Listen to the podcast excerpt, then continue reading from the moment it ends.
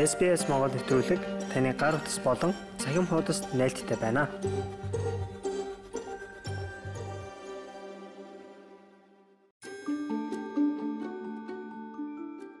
Бэлгийн боловсрал гэдэг сэдв эцэг эхчүүдийн хувьд хүүхдүүдтэйгээ ярилцах хамгийн хэцүү сэдвүүдийн нэг байж болно. Аз улсад Австралид энэ сэдвээр сайн зааж өгдгөө. Бид энэ удаад бэлгийн боловсролыг Австралид хэрхэн олгодог тухай ярилцаж мөн эцэг эхчүүдэд энэ сэдвээр хүүхдтэйгээ ярилцах хэд хэдэн алхмыг зааж өгөх болно. Мөн хэрэгтэй их сурвалжуудыг танд хэлж өгнө. Бэлгийн эрүүл мэнд бол хүн бүрийн амьдралын нэг хэсэг юм. Энэ бол зөвхөн сексийн тухай биш. Жирэмслэлт, жирэмслэлтээс хамгаалах, бэлгийн эрүүл мэнд гих мэт өргөн ойлголтыг багтаадаг. Бэлгийн боловсрол нь хүүхдийн нас төлөвшлөөс хамааран эрүүл ахуй, хүн хоорондын харилцаа, инхрийлэх мэдрэмжүүдийн тухай ярилцдаг. Энэ нь тэдний ирээдүйн амьдралд эерэг хандлага, эрүүл харилцааг хадгалах үндэс болдог. Бэлгийн эрүүл мэндийн боловсролыг Австралийн сургуулиудад сургуулийн өмнөх боловсрлоос эхлээд 12 дугаар ангиа төгсдөл заадаг. Rani West бол New South Wales мужийн боловсролын газрын дунд сургуулийн зөвлөхөөр ажилладаг. Тэрээр Австралийн сургалтын хөтөлбөрийг олон улсад хүлээн зөвшөөрөгдсөн шинжлэх ухааны стандартад нийцүүлэн боловсруулсан хэмээн ярьж байна. Энэ бол нас насны хүүхдүүдийн бэлгийн хөгжлийн талаар судалгаанд суурилсан хөтөлбөр юм а. Их сурвалжууд нь бидний үзэл баримтлалд нийцэж байгаа эсгийг баталгаажуулахын тулд хэдэн 10 жилийн туршид үнэлж бэлгийн боловсролын талаарх ЮНЕСКОгийн олон улсын удирдамжийг тусгасан байдаг. Цэцэрлэгт хүүхдийн биеийн хэсгүүдийг зөв нэрлэж тэдгээрийн үйл ажиллагааг сурч эхэлдэг. Ингээд том болох тусам сэдвийг өргөжүүлж жирэмслэх талаар ойлголттой болдог. Бага насндаа тэд өөрсдийн бие махбод бэлгийн божилтын үед ямар өөрчлөлт гарч байгааг мэдэж авдаг. Ингээд бага сургуулаа төгсөх ангиудад нөхөн өрчвэн эрүүл мэнд сарын тэмдгийн талаар суралцах болно. Дараа нь ахлах сургууль эсвэл дунд сургуулийн жилүүдэд тэд бэлгийн зан үйл, жирэмслэлт, жирэмслэлтээс хамгаалах арга, бэлгийн замаар дамжих халдвар, бэлгийн замын халдварт өвчний талаар илүү ихийг сурч эхэлдэг. Хүүхдүүд өсвөр наснд хүрч сэтгэл хөдлөлн төлөвшөх үед илүү өргөн сэдвэр буюу дотн харилцааны сэдвүүдийг зааж эхэлдэг. Тэд мөн хувийн нууц, бие даасан байдал, өөрийгөө хамгаалах арга замуудын талаар суралцдаг.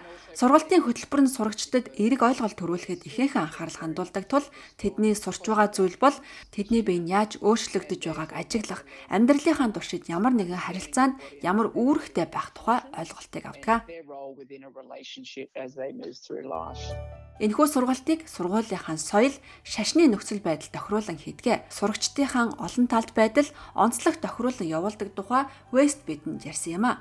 New South Wales мужийн сургуулиуд эцэг эхчүүдэд хүүхдтэйгээ иймэрхүү сэдвүүдийг яаж хөндөх талаар мөн мэдээлэл олгодог.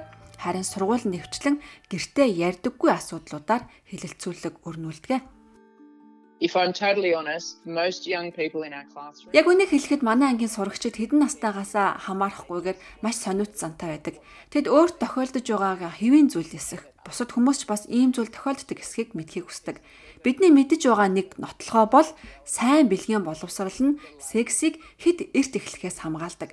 Бид хэдий ч нэ эрт хэдий ч нэ ихийг зааж чадна, төдий ч нэ мэдээлэлтэй болж шийдвэрээ илүү сайн гаргадаг болно гэсэн үг юм and the better the decisions that they make. Манай оршин суух хөтөч болонгийн багийнхан New South Wales мужийн боловсролын хэлтэс дунд сургуулийн сурагчдад зориулсан сургалтын хөтөлбөрийн захирлаар ажилладаг Katie Zemaitis гэдэг хүнтэй ярилцлаа. Эцэг эхчүүд гэртээ бэлгийн харилцааны талаар ярилцахдаа орчноо сайн бүрдүүлэх нь чухал гэж тэрээр зөвлөж байна.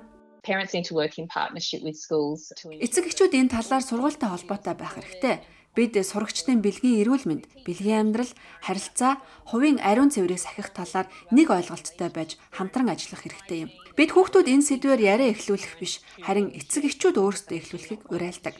Хэрвээ хүүхэд өөртөө ямар нэгэн асуудал байна гэж үзвэл интернетээс хариултаа хааж зөв мэдээлэл олж чадахгүй байх магадлалтай. Доктор Магали Бариетай бид нар мөн ярилцлаа. Тэрээр Австралийн хамгийн олон соёлт дүүрэг болох Сиднейн баруун хэсэгт 30 жилийн туршид GP-д эмчээр ажилласан юм а. Хүүхдийн эрүүл мэндийн чиглэлээр мэрэгсэн хэмж. Ихэнх өсвөр насныхан гэртээ сексийн талаар ярьж чадаггүй гэж боддог тул ганцаараа эмчтэр иж зөвлөгөө авдаг гинэ. Миний туршлагаас харахад манад ирж байгаа өсвөр насныхан цөөн хэдэн ээжтэйгийн тухай ярилцсан байдаг. Тэгээд зарим нь л ээжтэйгээр ирж бэлгийн боловсралтай холбоотой асуудлаар зөвлөгөө авдаг.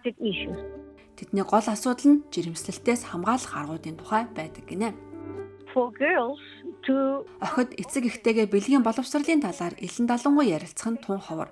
Тэр нь эцнээс үү, соёлтой нь холбоотой юу, эсвэл яагаад гэдгийг би сайн мэдэхгүй. Гэхдээ чи ээжтэйгийн талаар ярьсан уу гэж асуухад тэд мэдээж үгүй би тантай ярихыг илүүд үзэж байна гэж хариулдаг. Oh, of course not. Why? I prefer to ask you. Доктор Барьера өсвөр насны хүүгүүд ч бас түүнтэй зөвлөлтөөр ирдэг тухай хэллээ. Гэхдээ тэд арай өөр төрлийн мэдээлэл авахыг хүсдэг гэж байна. Бэлгийн замын халдвар төвчний шинжилгээ хийх нь тэдний гол асуудал болтгоо. Хин нэгэн охинтой бэлгийн хавталд орсны дараа шалгах гэж тэд ирдэг. Би өсвөр насныханд хандаж жирэмслэлтээс хамгаалах юм нь жирэмслэлтээс л хамгаална. Харин бэлгийн замын халдварт өвчнөөс хамгаалж чадахгүй шүү гэдгийг үргэлж сануулсан хэлдэг. Ихэнх эцэг эхчүүд октын сарын тэмдэг ирэх үед эсвэл хөвгүүд унтлагын хувцас анхудаа норгож байхад эсвэл бэлгийн божилттой холбоотой ямар нэгэн асуудал тулгарсан үед л хүүхдийн бэлгийн эрүүл мэндийн талаар ярилцахаар ирдэг. Ингэж ирсэн эцэг эхчүүдтэй нэлээд өргөн сэдвээр ярилцахыг би хичээдэг. Гэхдээ заримдаа гэр бүлийн шашны ихтгэл үнэмсэлтэй холбоотойгоор асуудал тулгардаг юм а. Доктор Барера хүндэтгэлтэй доктор Барери тэдэнтэй хүндэтгэлтэй хандаж шинжилгээ ухааны бодит мэдээлэл баримтлан асуудлыг шийдвэрлэхийг хичээдэг гэжээ. Би хүүхдийг үзэх зөвшөөрөл үргэлж хүсдэг. Хэрвээ тэд үгүй гэж хэлбэл тэгээд л үгүй. Тэгээд за би чамд зураг үзүүлж болох уу? Аль хавьд чамд асуудал байгааг энд заагаад өгөөрэй гэх мэтчлэнгээр яриагаа өрнүүлдэг. Тэгвэл эцэг эхчүүд хүүхдийнхээ бэлгийн эрүүл мэндийн асуултад яаж хариулах ёстой вэ? Доктор Барера энгийн бөгөөд үнэнийг хэлхийг зөвлөж байна. Хүүхдүүдэд юу мэдмээр байгааг нь анзаарч багхан асуулт өгөөд орхиорой. Бас хизээч битгий худлаа хэлээрэй. Хэрвээ та хариултыг мэдэхгүй байгаа бол хайж олох хэрэгтэй. Эмч багш нар дээр очиж асуугаарай. Гэхдээ энгийн асуулт бол аль болох хариулахыг хичээсэн дээрээ. Ихэнх тохиолдолд шууд хариулт өгөхөд яриа тэрд ороод дуусчихдаг. Тэгвэл бэлгийн харилцаа гэж юу болох талаар нарийн ширийн зүйл рүү орох шаардлагагүй. Харин энгийн байдлаар тайлбарлахыг хичээгээрэй. Тэгвэл эцэг эхчүүд мэдээлэл авах ямар найдвартай их сурвалжууд байгаа бол Ийм сэдвэрийг их сурвалжууд засгийн газраас санхүүжүүлдэг бие даасан байгууллага болох Rising Children Network-д хангалттай байдаг. Энэ network-ийн захирал Derek McMurrock-той бид ярилцсан юм а.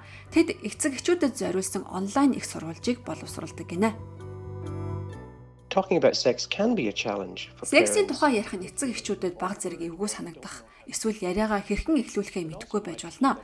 Тэд хүүхдүүдээсээ ирж магадгүй сэдвүүдэд бэлтгэлгүй байгаа мэт санагдчих болох юм.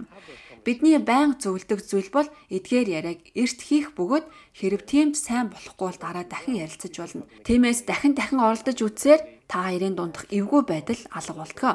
Энэ нь таны хүүхдэд секс ба бэлгийн амьдрал нь амьдралын эрүүл хэсэг юмаа гэсэн мессежийг илгээж чадна.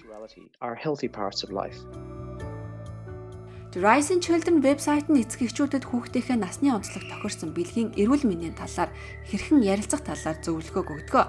Ноён Макморек эцэг эхчүүдэд ярилцахаас өмнө мэдээлэл хаж өөрсдөө бэлтгийг зөвлөж байна. For children up to the age of 8, they might want to know how 8 хүртэлх насны хүүхдүүдийн хувьд охид төвгүүдийн бие махбодын ялгааны талаар асууж болно. Бас нялх хүүхэд хаанаас ирдэг юм бэ гэж танаас гинтл асууж болох юм.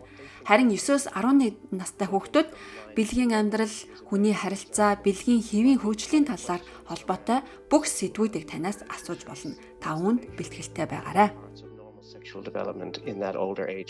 Renny West энэ сэдвээр ярихдаа ичиж байгаа хүмүүст ийм зөвлөгөө өгч байна. Энэ тухай ярих хамгийн тохиромжтой үе бол машинд явж байхдаа. Та хоёр бие биенээ харах шаардлагагүй. Гэхдээ хэн ч зүхтааж чадахгүй.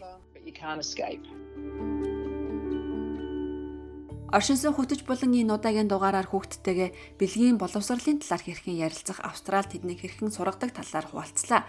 Та хэрэгтэй вэбсайтуудыг нэвтрүүлгийн тайлбар хэсгээс хүлээн авч сонсороо. Ингээ дараагийн дугаар хүртлэх төр баяртай.